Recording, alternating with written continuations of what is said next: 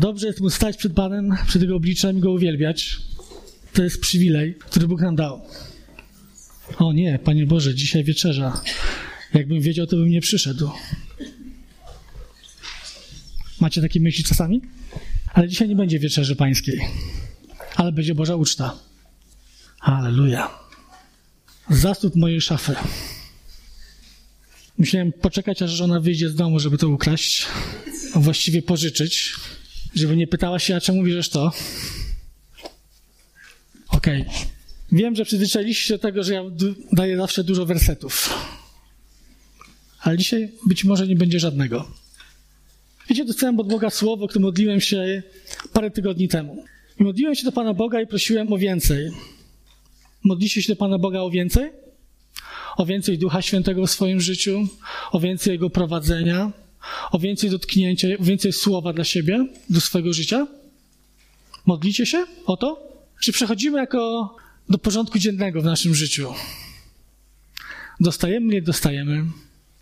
Jemy, ile się najemy. I o więcej nie prosimy. I wiecie, kiedy modliłem się do Pana Boga, On dał mi sen. Lubię Boże sny. Wiecie dlaczego? Bo gdy dostajemy sen od Boga, to budzimy się rano i czujemy, że jesteśmy dalej w tym śnie. Macie tak? Wiecie, że ten sen jest prawdziwy. Wiecie, że to nie jest zwykły sen, ale sen, który dał Pan Bóg do naszego życia. I dostałem ten sen w tym tygodniu, a miałem szalony tydzień w pracy. Modliłem się i mówiłem, Panie Boże, kiedy się zdążyłem obudzić, mówiłem, Panie Boże, ale o co chodzi w tym śnie?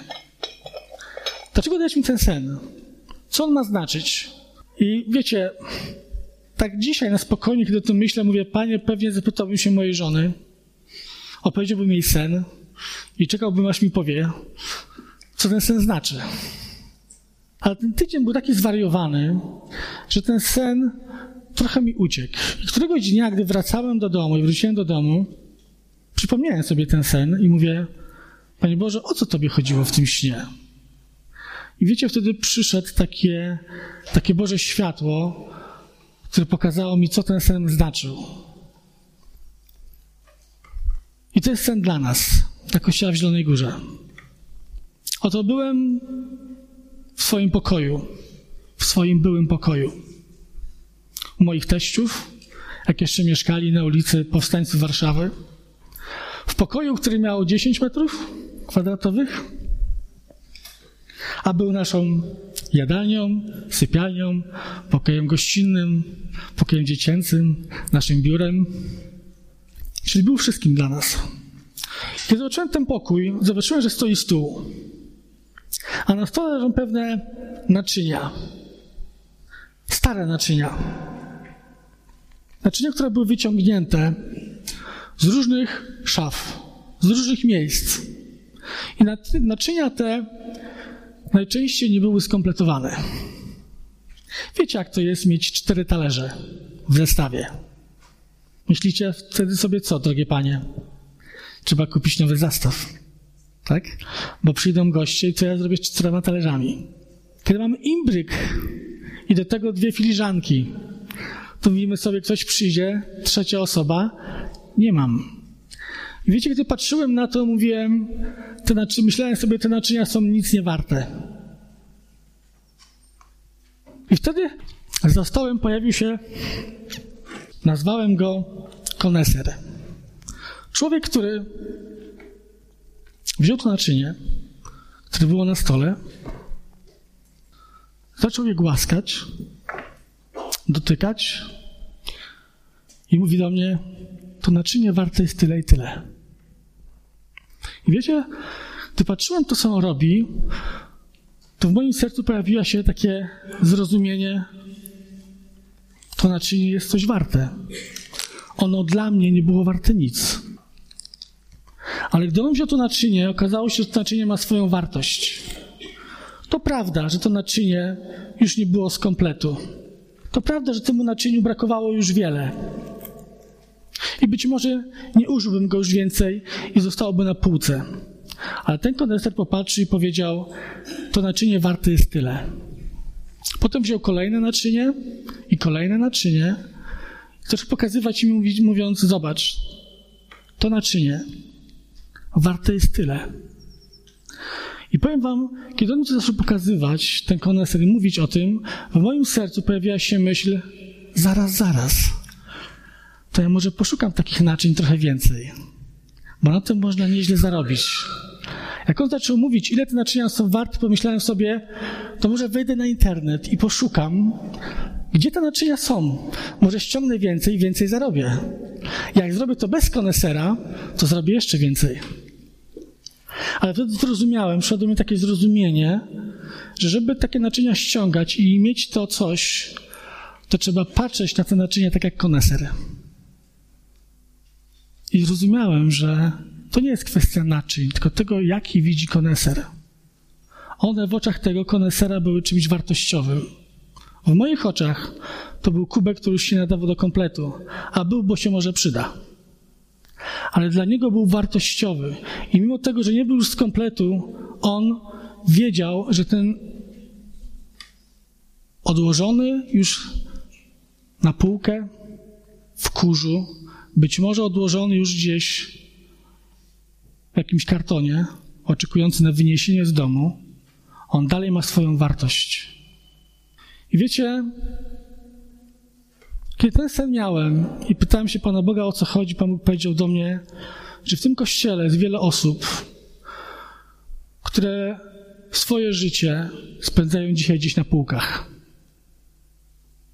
Jest wiele osób, które swoje życie gdzieś troszeczkę utraciły. Już nie mają takiego blasku. Być może straciły trzy filiżanki. Czują się niewartościowi. Czują się, że w ich życiu już się nic nie stanie. Wiecie, jeszcze parę lat temu, kiedy stałem w przedsionku, będę wracał do tego przedsionka, bo to jest dobre miejsce chwały. Kiedy stałem w przedsionku, wiecie, co sobie myślałem? Myślałem sobie, że z mojego życia już nic nie będzie. Pomyślałem sobie, że to, co mogłem, już straciłem. I na pewno niczego nowego z Bogiem nie doświadczę w moim życiu. I nie mam 90 lat, jak niektórzy na tym miejscu. Mam zaledwie połowę tego. Ale miałem o sobie takie myśli. I Pan mi pokazał, że tak naprawdę w Jego oczach jestem wartościowy. Być może straciłem w moim życiu już coś, czego nie odzyskam, ale ten ma swoją wartość. I każdy z nas, tak jak tu jesteśmy, ma swoją wartość w Bogu.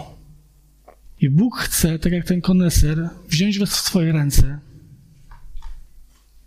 i sprawić, że poczujecie się znowu wartościowi.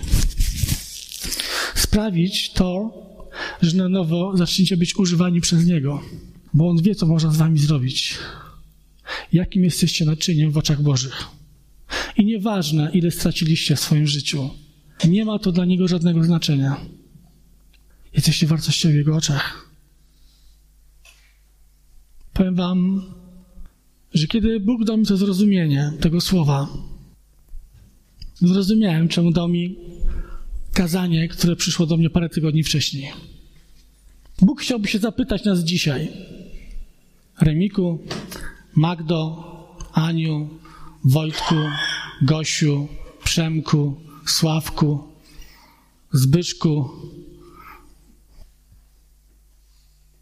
W jakim miejscu dzisiaj jesteś? Czy jesteś odłożony gdzieś na półkę, zakurzony, być może nieużywany przez Pana Boga przez dłuższy czas? A może jesteś przygotowany w kartonie i mówisz: Moje życie jest takie, że najlepszy już jest za mną, a przede mną już tylko grób. To chcę Ci powiedzieć: Bóg o Tobie nie ma takich myśli. Bóg ma o Tobie dobre myśli, mówi: Ja chcę Cię używać, bo w moich oczach jesteś cenny. Być może ten komplet Twojego życia już nie jest taki, jak mógł być 40 lat temu, ale w Bożych oczach, oczach jesteś dalej cenny. Gdzie dzisiaj jesteś? Czy możesz dzisiaj w swoim życiu powiedzieć: Jestem w miejscu przed sobą i Bogiem. Jestem w miejscu obfitości. Czy możesz się stanąć przed Bogiem i powiedzieć, że jestem w miejscu ziemi obiecanej dla mojego życia? Czy możesz to dzisiaj powiedzieć przed Bogiem w swoim duchu? Że jestem w miejscu, do którego Bóg mnie zaprowadził, aby ta ziemia, jak czytamy, opływała w co? W chwasty, porosty. Co czytamy, pamiętacie? Może wyświetlmy jednak jakiś fragment. Druga Mojżeszowa 3,8. Gdy Pan Bóg powołał Mojżesza, powiedział do niego, idź do mego ludu. Ja cię posyłam. Posyłam cię, bo masz ten lud wyprowadzić z ziemi egipskiej, z domu niewoli. I masz go wprowadzić do ziemi, gdzie są olbrzymy, do ziemi miast, wielkich miast, wielkich murów. Do ziemi, którą nie zwyciężysz nie dasz rady. Do ziemi, która cię przerasta. Do ziemi, która e, fajna jest, ale nie. Pan Bóg powiedział: Chcecie zaprowadzić do ziemi obfitości, do ziemi opływającej w kawior i szampan. Kto co lubi? Mleko i miód, oznaczający Boże błogosławieństwo, wylewające się strumieniami, zapewniające Tobie to, że wiesz, że to miejsce jest ziemią obiecaną dla Twojego życia. Mam pytanie dzisiaj. Czy jesteś w takim miejscu swojego życia? Każdy z nas, który przyjął Chrystusa do swojego serca, wyszedł z Egiptu. Prawda? To, gdy patrzymy na Stary Testament, on bardzo często pokazuje nam pewne duchowe prawdy. Kiedy Izrael wyszedł z ziemi obiecanej, nie szedł do ziemi obiecanej, wyszedł z Egiptu, czytamy, że był to, wychodził w smutku, żałobie, wychodził pokonany, smutny, czy wychodził w radości, w pląsaniu, w śpiewie. Złupił Egipt, wyszedł w radości i śpiewał Bogu nową pieśń. I tak było w naszym życiu, kiedy poznaliśmy Chrystusa, kiedy stał się On numerem jeden naszego życia, kiedy z naszego tronu życia zrzuciliśmy siebie i uznaliśmy, że zrezygnujemy z siebie na rzecz Chrystusa. On stał się numerem jeden naszego życia. On wyprowadza nas z, z domu niewoli, z domu niewoli naszego grzechu. Dlatego, że robiliśmy nie to, co chcieliśmy, jak powie apostoł Paweł, a robiliśmy to, do czego zmuszał nas grzech, nasza grzeszna natura. I Paweł mówi, że robiliśmy to, czego nie chcieliśmy. Byliśmy w niewoli grzechu. Ale On nas wyprowadził, dał nam wolność polegającą na tym, że nie muszę grzeszyć. Mogę żyć w wolności. Mogę żyć w tym, co On mi dał dla mojego życia. I myślę, że każdy z nas w swoim życiu to przeżył. Są tu tacy? My Polacy nie lubimy podnosić rąk, to takie amerykańskie. My lubimy alkohol, czyli wódkę i ogórki, bo wtedy ma się fajną minę. To lubimy. Ale jak mam mieć trochę radości, to tej radości nie pokażemy na zewnątrz. Bo Boga trzeba chwalić w duchu i w prawdzie. Nawet wersety potrafimy znaleźć. A ja czytam, że oni wychodzili pląsając przed Panem, wznosząc ręce, mówiąc: Panie, dziękuję Ci za to, że Ty mnie uwolniłeś, że Ty wyprowadzasz nas z ziemi, gdzie byliśmy niewolnikami, z ziemi, gdzie co prawda był czas naszego fajnego błogosławieństwa, ale on z czasem zamienił się na czas naszego przekleństwa. I myślę, że doświadczyliśmy wszyscy tego w naszym życiu. Jeżeli nie, zachęcam Was. Oddajcie swoje życie Jezusowi, a zobaczycie, jak On wyprowadza was z niewoli grzechu i daje wam nowe życie. Ci, co doświadczyli, wiem, o czym, wiedzą, wiedzą, o czym mówię. I podejrzewam, że wiedzą, do czego dążę. I potem rozpoczął się okres przejścia Izraela z Egiptu do ziemi obiecanej. Czy tak było? Wiecie, ile trwa najkrótsza droga pomiędzy Izraelem a Egiptem? Dwa tygodnie. Mogli iść dwa tygodnie. Nie zapytam was, ile szli. Ale zapytam was, dlaczego tak długo. W życiu każdego z nas, w momencie, kiedy przeżywamy nowonarodzenie, musi nadejść czas próby i doświadczeń. Musi przyjść czas pustyni. Ale od nas zależy, czy ta pustynia będzie trwała 40 dni, jak w przypadku Jezusa, czy 40 lat, jak w przypadku narodu izraelskiego. Zresztą nie tylko on, bo pustynia trwa również 40 lat dla Mojżesza. 40 lat pasł trzody swego teścia Jetry. A więc wykonywał to, co było pohańbieniem dla każdego Egipcjanina. Nie było nic gorszego niż paść nie swoją trzodę. I w życiu każdego z nas musi być czas pustyni. U Jezusa są 40 dni. 40 dni, które decydowały o tym, czy Jezus jest gotowy wejść w służbę i w namaszczenie i w powołanie dla swojego życia. Jakże często my w naszym życiu, dzisiaj, gdy jesteśmy, pozwalamy sobie postępować tak jak Izrael. Powiedzcie mi, czy czas pustyni był zły? Jak myślicie? Dla Izraela.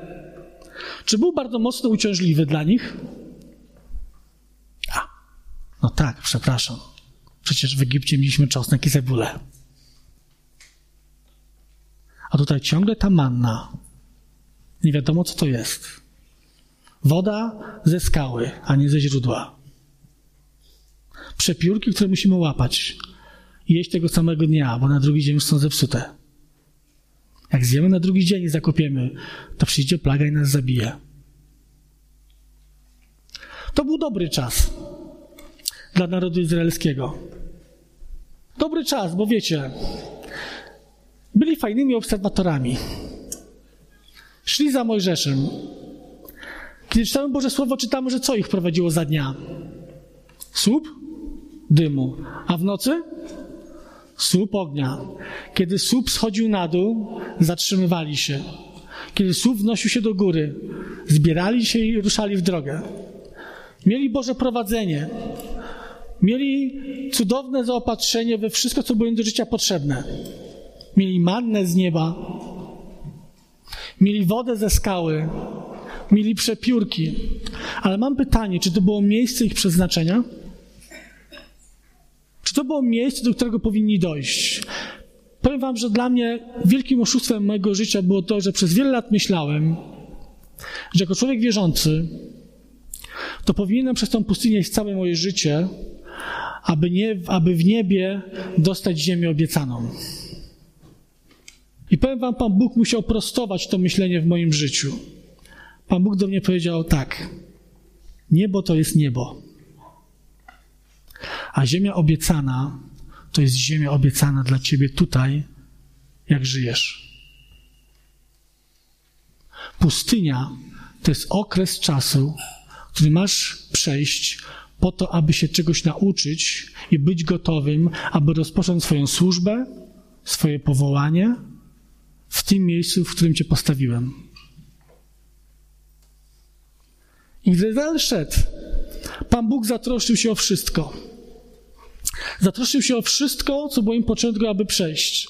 Czy był to zły czas dla nich? Nie. Czytamy o tym, że ubrania im się nie zniszczyły, buty im się nie zniszczyły. Przez 40 lat, czyli potem jak zrezygnowali, tak? Ale doszli do momentu w swoim życiu, kiedy stanęli nad Jordanem. Widzieli Boże cuda, widzieli Boże zaopatrzenie, widzieli jak Bóg pobił Egipcjan. I Bóg do nich mówi: A teraz przeprawcie się na drugą stronę. Ja pójdę przed wami. Poślę swego anioła, który pójdzie przed wami. I on wzbudzi strach w narodach, które tam mieszkają, tak że ich pokonacie.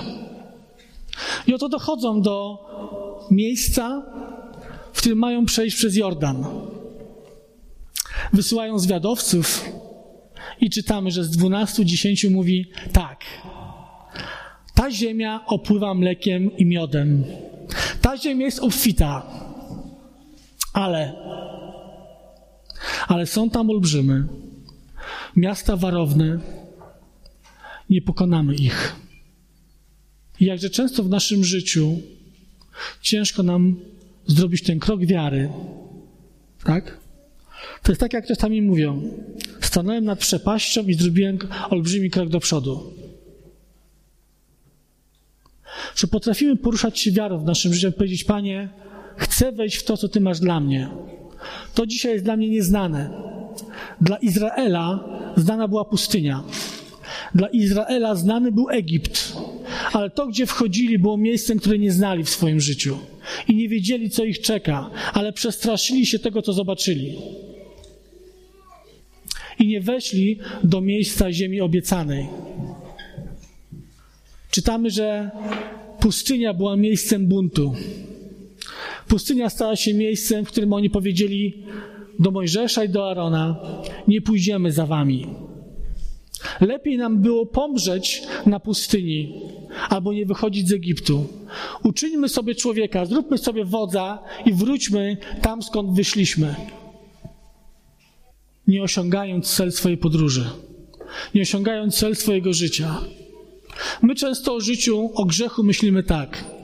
Grzech to jest coś takiego, wiecie, mocnego i silnego. A zapominamy o tym, o czym Zbyszek ostatnio mówił, że grzech jest chybieniem Bożego celu.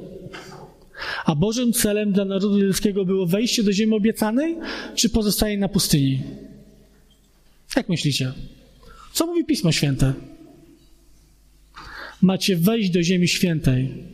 To jest miejsce waszego przeznaczenia, miejsce, które ja wam wyznaczyłem, miejsce waszej służby, powołania, waszego błogosławieństwa, miejsce, które ja wam dałem, abyście mogli mi służyć. Ale oni powiedzieli nie. Konsekwencją było to, że zostali na pustyni i wrócili i tułali się przez 40 lat. I żaden z tych od 20 roku wzwyż nie wszedł do ziemi obiecanej poza Kalebem i Jozułem. Wiesz co, musimy sobie zdać sprawę z tego, że Bóg nas kocha, że jesteśmy cenni w Bożych oczach, ale w naszym życiu musimy chodzić wiarą. Nie tym, co widzą nasze oczy, nie tym, co my chcemy, ale musimy kierować się tym, jaka jest Boża wola dla naszego życia. Bo inaczej możemy chybić celu naszego życia. A chybienie celu jest grzechem. Bóg daje nam wszystko, co jest potrzebne do tego, abyśmy przeszli przez Jordan. Wiecie, oni wrócili. Ja czasami zastanawiałem się i mówiłem, Panie Boże, ale jak to jest? Mają wejść ci, którzy są rolnikami, byli pastuchami, wyrabiali cegły.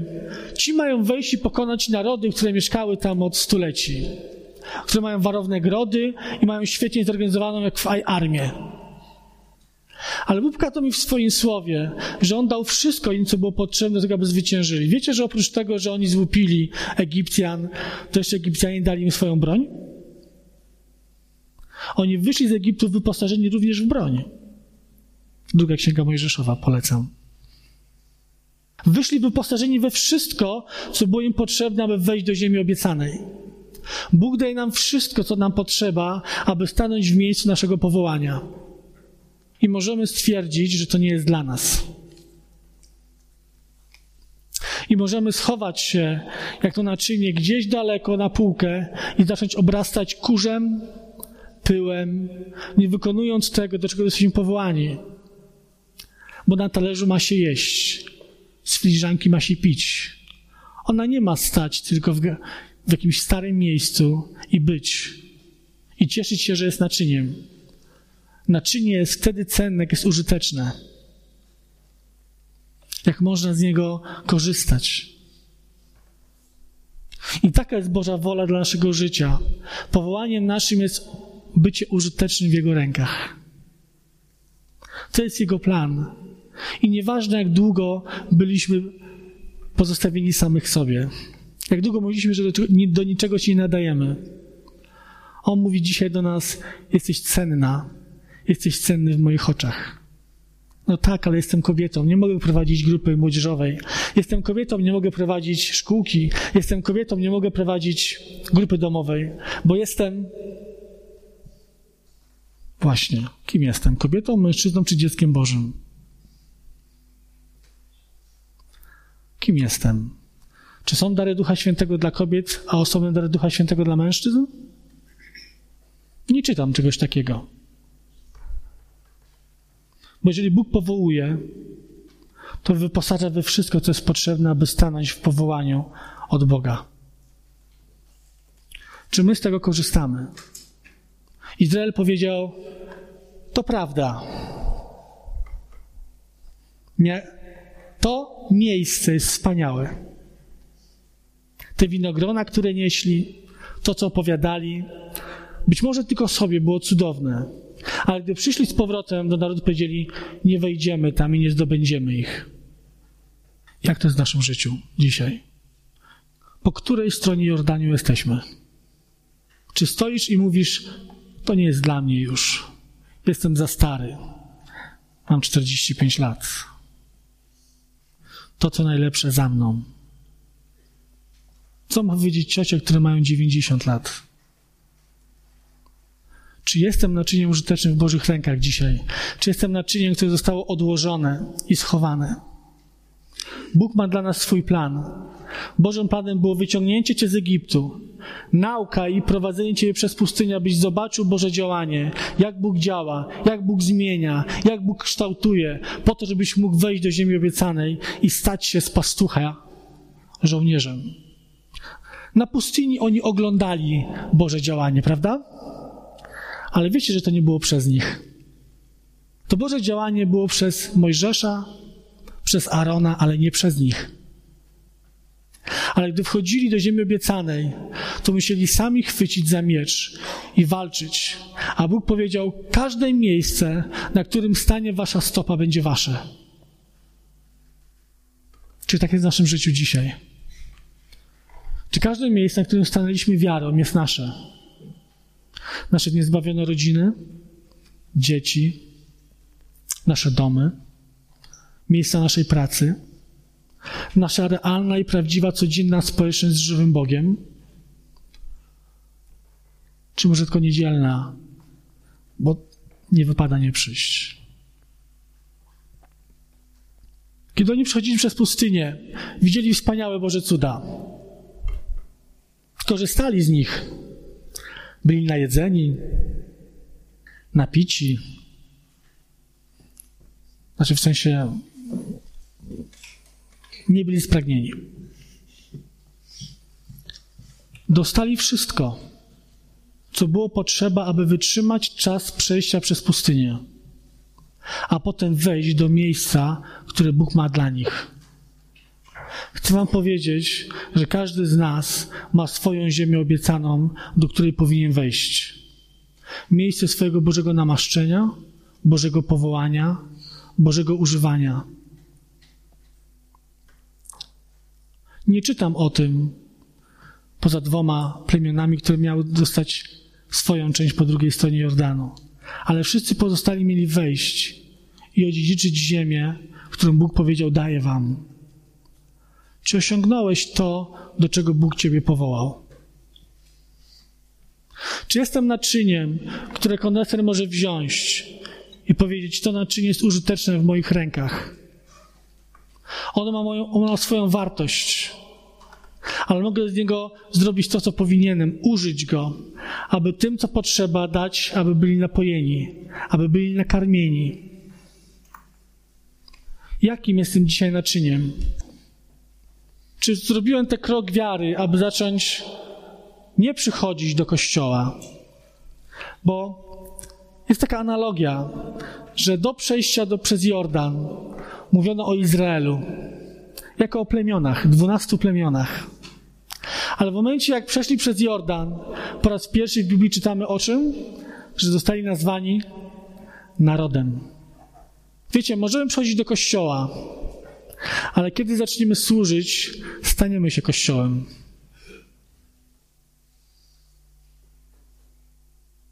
Przejście przez Jordan sprawiło, że stali się narodem. Kiedy zaczynamy Bogu służyć, to nie przechodzimy do Kościoła, ale zaczynamy stanowić część Kościoła. Bo Bóg kładzie na nasze serce służbę, modlitwę, post o innych troskę o innych, o to, żeby nikomu niczego nie brakowało, o to, żeby swoje dary wykorzystywać w właściwy sposób. Taki jest Boży plan dla naszego życia, bo taki był Boży plan dla Izraela. Często mówimy, niebo się boję. Boję się wejść w służbę, ponieważ ona wykracza poza strefę mojego komfortu. Młodzież. Wczoraj tu rozmawialiśmy na młodzieżowym.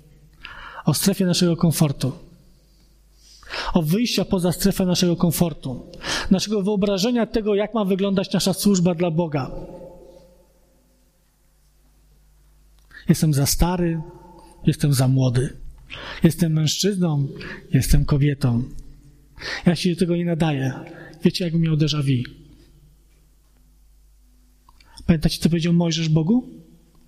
Gdym powiedział do niego, idź, posyłam cię.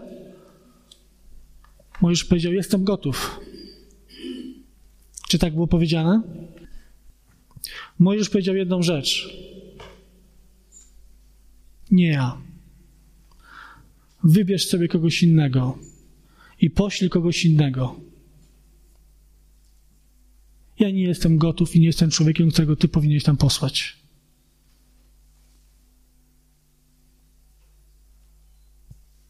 Wiecie co? Bogu zależy na nas. Bardziej niż nam samym zależy na sobie nawzajem. My potrafimy zrezygnować z naszego życia i stwierdzić, już nic ze mnie nie będzie. Jestem w, w tym kościele 50 lat. Nic ze mnie już dobrego nie będzie. A Bóg patrzy i mówi: A dla mnie jesteś cenny i użyteczny. Tylko czy chcesz zrobić ten krok wiary i powiedzieć: Panie, oto ja, użyj mnie. Czy chcesz przychodzić do kościoła przez kolejne 20 lat, jak Bóg da ci zdrowie i siły? Czy chcesz zacząć budować i być częścią kościoła? To jest decyzja naszego życia, przed którą musi stanąć każdy z nas. Każdy, kto chce dziedziczyć ziemię obiecaną. Ziemię, o której czytamy, że była ziemią obfitości, opływającą w mleko i miód. Wiecie co? Powiem coś szczerze. Czasami jako chrześcijanie uświęcamy pustynię. Ja jestem chrześcijaninem, bo w moim życiu jest wiele cierpienia. Wiele smutku, wiele łez, bo wiesz, kogo Pan kocha, tego każe. Nie znam takiego Boga, ale znam pychę i wyniosłość, która tak myśli. Znam Boga, który mówi, chcecie wprowadzić do ziemi obfitości, opływającej w mleko i miód, ale czy będziesz gotowy zrezygnować z siebie? Jak zrezygnujesz z siebie w swoim życiu, ja pójdę przed Tobą i ja będę za Ciebie walczył. Ja sprawię, że zdobędziesz to, co mam dla Ciebie. Tylko czy decydujesz się zrobić to w swoim życiu? I nieważne, czy masz siwe włosy, czy włosów nie masz. Nie ma to znaczenia. I wybaczcie, że to powiem. Nie ma znaczenia, czy jestem mężczyzną, czy kobietą. Dla Boga żadnego. Ale przestrzegam was przed jedną rzeczą, którą Bóg mi pokazał. Pamiętacie, nie będziemy, nie będziemy pokazywać i marnować czas na pokazywanie, bo myślę, że doskonale znacie Pismo Święte, a jak nie, to zachęcam was do przeczytania historii wyjścia z Egiptu. Jako zadanie domowe poczytajcie sobie, zobaczycie.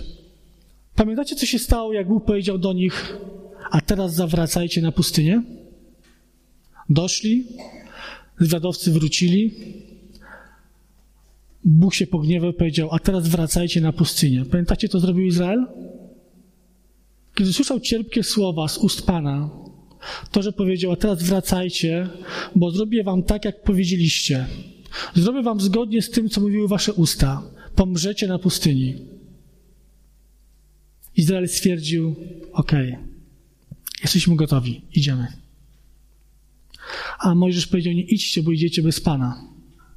Oni stwierdzili, pójdziemy i zostali pobici. To jest coś, co jest przestrogą naszego życia, że mamy iść wtedy, kiedy On mówi iść. I nie patrzeć na swoje życie jako na życie zmarnowane. Oni podjęli złą decyzję w swoim życiu i ponieśli za to konsekwencje, które były straszne. Nasz garncarz, Jezus, dzisiaj przychodzi do kościoła i mówi: Jesteś dla mnie cenny. Chcę Cię użyć. Czy jesteś do tego gotowy? Czy chcesz dokonać ten krok wiary i powiedzieć: Przejdę przez Jordan, aby odziedziczyć ziemię obiecaną dla mojego życia? Wiecie, to jest niesamowite, bo kto przeprowadzał Izrael przez Jordan? Pamiętacie, jak miał na imię? No, kościele w Zielonej Górze. Jozue, tak? Haszei, Jozue, syn Nuna. Wiecie, to imię nie jest bez znaczenia, bo Jozue znaczy Jehoszua. Dokładnie. A więc to jest to samo imię tego człowieka, Syna Bożego, który zmarł na krzyżu. Przez Jordan przeprowadził ich Jezus. To jest dokładnie to samo imię. Nie ma przypadków w Biblii. Do ziemi obiecanej, do ziemi naszego namaszczenia i powołania nie wprowadza nas nasza ambicja. Nie wprowadza nas chęć bycia kimś w kościele. Wprowadza nas Jezus, zgodnie z tym, co jest napisane. I On ustanowił jednych apostołami, ewangelistami, duszpasterzami. Ale decyzja i wolna wola, którą mamy, tak naprawdę należy do nas. Czy chcemy zostać na pustyni? I być może będziemy do końca życia iść mannę. Pić wodę ze skały i mówić, że to jest niesamowity Boży cud. Mieć ubrania, które nie niszczeją. Myślę, że dzisiejsze by już takie nie były. Widzieć Boże działanie, ale nie wejść do miejsca powołania swojego. Minąć się z Bożym powołaniem i celem dla mojego życia. Musimy zatroszczyć się i zadbać o to, żeby nasze życie nie było życiem dla siebie. Wiecie, pustynia była miejscem, gdzie widzieli wspaniałe rzeczy, ale to było miejsce, które nie zmieniło ich serca. To było miejsce, które nie zmieniło ich serca do tego, aby powiedzieć: Mój Pan i mój Bóg jest ze mną, gdziekolwiek pójdę. Pamiętacie Jozułego 1,9? Jozułego 1,9 jest napisane tak. Kiedy mieli się przeprawiać, Bóg daje zapewnienie Jozuemu. Wiecie, to nie jest przypadek. Bóg znał serca ludzi, Bóg zna nasze serca i wie, dlaczego często nie decydujemy się stanąć tam, gdzie powinniśmy. Bóg mówi do Jozuego tylko bądź mocny, bądź mężny, nie bój się. I to słowo, które ja bardzo lubię w nowym tłumaczeniu, nie zniechęcaj się. Idź, bo ja pójdę przed tobą. Nie martw się o cokolwiek. Ja zatroszczę się o to, że jeżeli powiesz mi tak, to zobaczysz moją obfitość w swoim życiu. Mam więc dzisiaj do Was pytanie. Czy jesteście w ziemi obiecanej? Czy jesteście w ziemi, w którą możecie sobie powiedzieć, tak, to miejsce, w którym jestem, jest miejscem obfitości Bożej w moim życiu. Bożej obecności, Bożego namaszczenia, Bożego pomazania, Bożego prowadzenia i używania mnie według Jego woli. Koneser dotykał te naczynia, opiekował się nimi, wycierał kurz, wypowiadał słowo mówiące o tym, że jest to bardzo cenne. I powiem wam, niesamowite było to, że kiedy on to mówił, to naczynie w moich oczach stawało się tak samo cenne. Że kiedy on brał kolejne naczynie, to, które wcześniej było dla mnie nieciekawe, stare, spoza kompletu. Kiedy on w swoje ręce brał i mówił, podawał wartość tego naczynia, to wtedy ja widziałem to naczynie jako cenne. I zacząłem rozumieć, że Bóg ma wiele takich naczyń w naszym kościele. I nie ma znaczenia, czy stoisz nad grobem. Jedną nogą, czy już dwoma. Ma znaczenie to, że żyjesz. I że jest coś, jak pisze apostoł Paweł, co się nazywa dzisiaj. Czy jestem gotowy do tego, aby garncarz wziął mnie w swoje ręce i ulepił ze mnie to, co chce? Może musi popoprawiać parę rzeczy. Może musi skleić to czy owo, żeby to naczynie się trzymało, żeby można było dalej je używać. Ale czy jestem gotowy na to, by powiedzieć mu tak? Panie Jezu, nie wiem, co mi przygotowałeś. Być może nie znam swojego powołania, ale proszę przygotuj mnie i postaw mnie tam, gdzie powinienem stać. Jestem kobietą.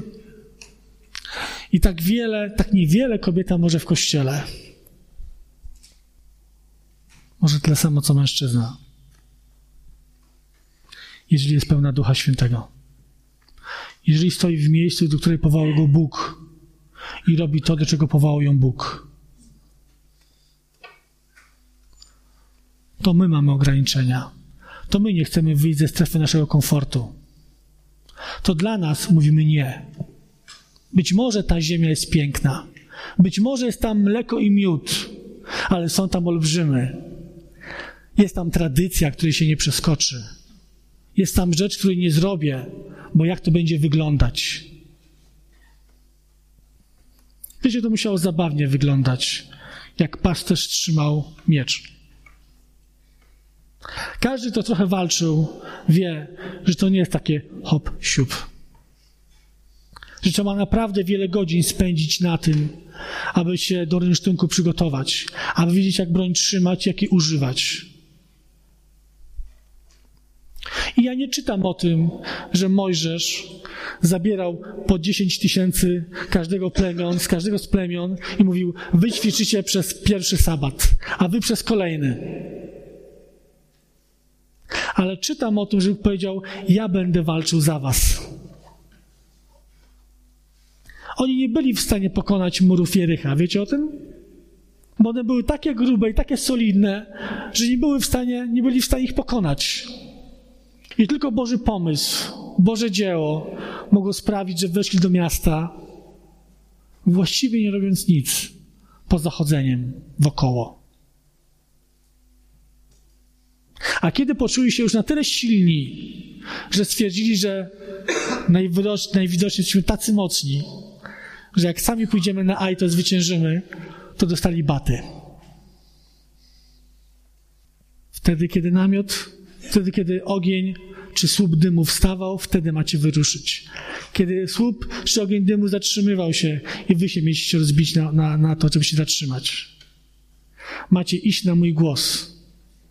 Ja pójdę przed wami, a wyjdźcie za mną. Tak mówi Bóg do naszego życia. Jeżeli zdecydujesz się na to, by powiedzieć Bogu dzisiaj tak, to chcę Cię przekonać dzisiaj na podstawie Bożego Słowa i swojego życia, że Bóg zaopatrzy Cię we wszystko, co jest potrzebne, aby stanąć w tym miejscu, do którego Bóg Cię powołał. Ale co tam Pan Bóg może mieć dla mnie? Wiecie, myślałem tak przez wiele lat. Co tam Pan Bóg może mieć dla mnie? Dla człowieka, który gdy miał wyjść na środek i powiedzieć w klasie wiersz, to dostawał takiego ciśnienia, że nie był w stanie wyjść z ławki. A co dopiero stanąć i powiedzieć cokolwiek przed klasą. Byłem człowiekiem, który nie był w stanie powiedzieć czegokolwiek przy większej grupie ludzi. Co ty możesz, Panie Boże, z takim człowiekiem zrobić? On się do niczego nie nadaje. Ale ktoś będzie swego życia powiedział, Panie Boże, to nieważne, jakie mam zdolności. Jestem w miarę pedantyczny, więc będę czyścił na chrzest basenik. I będę to robił najlepiej, jak potrafię. I stanąłem w tym. A Pan Bóg uhonorował te kroki wiary w moim życiu. I zrobił to, o czym nie marzyłem. Powiedział, będziesz mi służył. W moim słowie. A nigdy o tym nie marzyłem. No, może jak się nawróciłem, to widziałem siebie na ewangelizacjach milionowych. No ale to każdy wierzący miał tak. Nie mieliście? Widzieliśmy siebie, jak stoimy koło Hajda Bąkę i Bąkę mówi, teraz ty, synu. Wiecie, Boża droga to jest, bo, krok, to jest droga małych kroków. Pan Jezus powiedział, kto będzie mi wierny w małym, temu dam więcej. Ale temu, kto nie będzie mi wierny w małym, zabiorę to, co ma. To jest bardzo straszna duchowa prawda. Nie lekceważmy tego w naszym życiu. Ja wierzę w to, że Bóg ma wśród nas wiele osób, które może użyć zgodnie ze swoim powołaniem, namaszczeniem, z tym, co On dał. Jakieś powiedziałem takie słowa, Dawid potem mi je wypomniał, pastor Dawid, przepraszam, wypomniał, mówiąc, że powiedziałem o tym, że w tym zborze są prorocy. Że są wszystkie służby w Kościele, o których czytamy w Bożym Słowie. Wiecie, że ja w to mocno wierzę? Że Bóg wyposażył nas we wszystko, co jest potrzebne do naszego wzrostu. Ale to my nie stajemy w naszej służbie. To my nie przechodzimy przez Jordan naszego życia. Nie opuszczamy strefy naszego komfortu. Wiecie, fajnie jest przyjść, posłuchać, najść się manny i wyjść. Ale gorzej jest stanąć, wziąć w rękę broń i pójść walczyć o siebie, o swoich bliskich, o swoją rodzinę, o swoje dzieci, o swoją żonę. Czasami wydając się w swoich oczach kimś, kto nie potrafi walczyć i nie jest do tego przygotowanym. Boże Słowo mówi: Ja pójdę przed Tobą. Zaufaj mi. Stań w tym, do czego Cię powołałem. Nie wiesz, czym jesteś powołany? Ja wiem, kto powołuje. Przyjdź i zapytaj się Jego, tego, który jest głową Kościoła, tego z głową ciała, który Ci powie, w którym miejscu ciała masz się znaleźć. I on Ci wskaże, tylko wtedy nie mów, o nie, ja nie chciałem być małym palcem. Bo ja chciałem mówić kazania.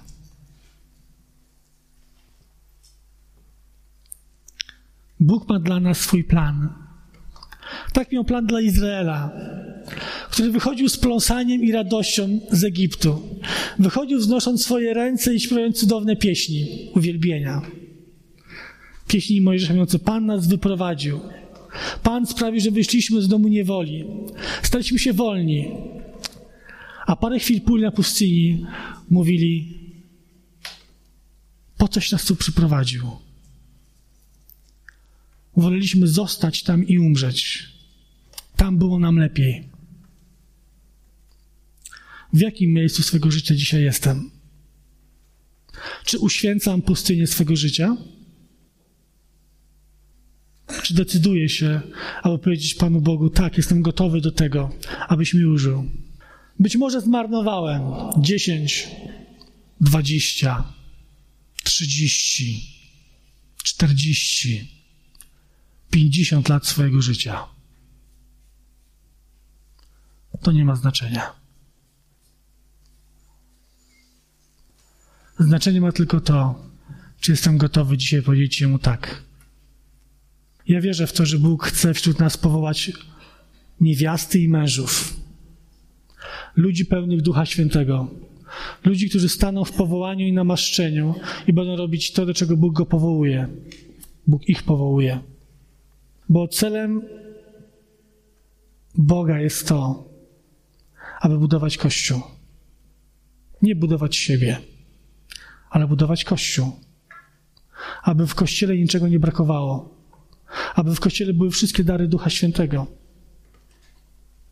Wiesz, jak wspaniale jest widzieć, oglądać na takim ekraniku z napisem gdzieś w rogu YouTube, jak Bóg uzdrawia, jak Bóg wypędza demony, jak Bóg czyni wspaniałe rzeczy. Oglądać i patrzeć i mówić, Panie Boże, jak bardzo chciałbym to u nas. A Pan Bóg mówi, a co stoi na przeszkodzie? Czy chcemy tego w naszym życiu? Czy wolimy sobie jeszcze pospać, podrzemać? Ta manna nie jest taka zła. Bóg mówi: Mam dla ciebie ziemię obfitości, ziemię opływającą w mleko i miód, Ziemię, do której chcecie wprowadzić w Twojej służbie, w Twoim powołaniu, w Twojej rodzinie. Miejsce, w którym gdy staniesz, zobaczysz moje działanie w swoim życiu i przez Twoje życie. Ale czy jestem do tego gotowy? Czy moje serce jest gotowe, by odpowiedzieć mu dzisiaj tak? Czy wolę sobie w ławce siedząc ponarzekać? Tak jak oni na pustyni. A to kazanie dzisiaj nie było takie fajne. Możemy sobie ponarzekać. Oni też sobie ponarzekali. Ale możemy powiedzieć, Panie, chcemy Tobie zaufać i stanąć w miejscu, które Ty masz dla nas. Poproszę grupę, żeby wyszła na środek. Nie będę robił wezwania do przodu, bo Polacy nie lubią wyzwań. Nie lubią wychodzić i pokazywać, że Bóg nas dotyka. Rozumiem Was, bo sam miałem tak przez lata. Ale chciałbyśmy się pomodlili teraz. Jeżeli w Twoim sercu czujesz się jak to naczynie, które zostało być może gdzieś schowane, zostawione, zakurzone, może w swoim życiu przez te lata straciłeś coś i wiesz o tym. I mówisz, w moim życiu już nic dobrego mnie nie spotka. Lubię to słowo najlepsze, już jest za mną. To chcę Ci powiedzieć, przed Tobą jest ziemia obiecana, czyli najlepsze przed Tobą. Tylko czy tego chcę dzisiaj?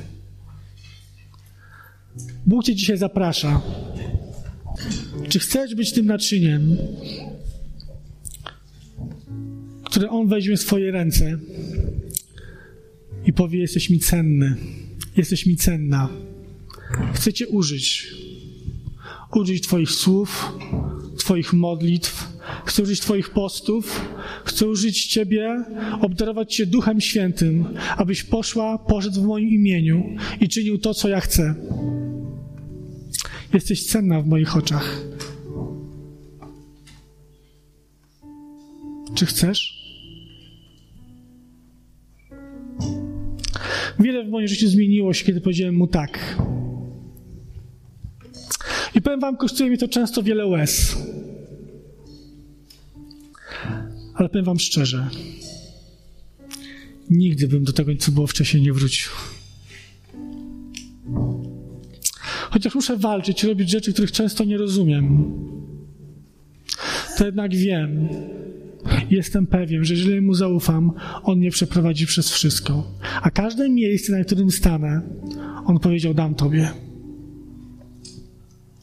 Czy chcesz zbawionych rodzin swoich, dzieci, mężów, żon?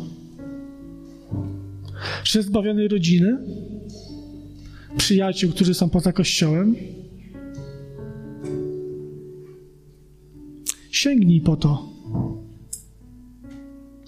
Sięgnij po to nie we własnym imieniu, ale w imieniu tego garncarza, w imieniu Jezusa, który na krzyżu oddał swoje życie, abyśmy mogli żyć. On odchodził z tej ziemi i powiedział: Dana jest mi wszelka władza na niebie i na ziemi. Jeszcze raz. Dana jest mi wszelka władza na niebie i na ziemi.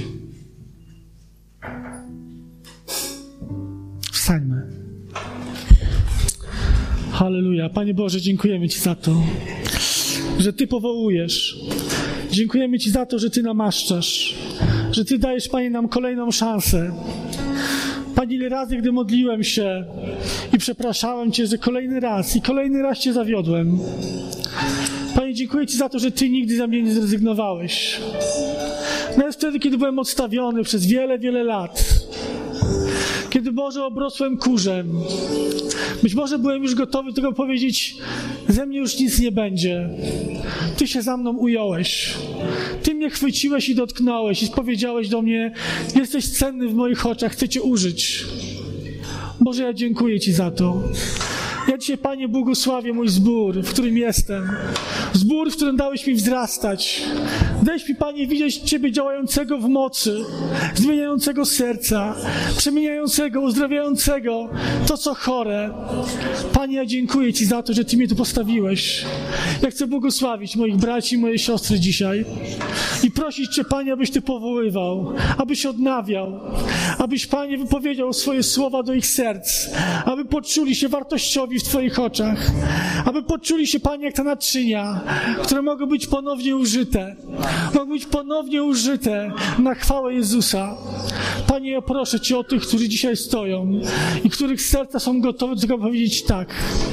Jestem gotowy, jestem gotowa, aby przejść przez ten Jordan, aby przejść suchą nogą, dokonać cudu, pójść za Jezusem, aby On wprowadził mnie do ziemi obiecanej mego życia, do ziemi pływającej w mleko i miód, do ziemi, w której będę musiał walczyć każdego dnia, do ziemi, w której będę musiał ufać Jemu, widzieć Jego działanie i wierzyć, że On jest ze mną każdego dnia do ziemi, z której więcej już nie będę chciał wrócić, bo to jest ziemia mego powołania, ziemia obietnicy, którą On mi dał, ziemia, o którą powiedział, chcę Cię tam postawić,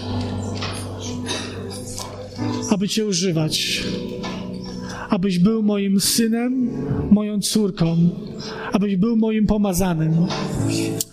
Panie, ja dziękuję Ci za to że Ty widzisz nasze serca. Proszę Cię, Panie, porusz, obudź.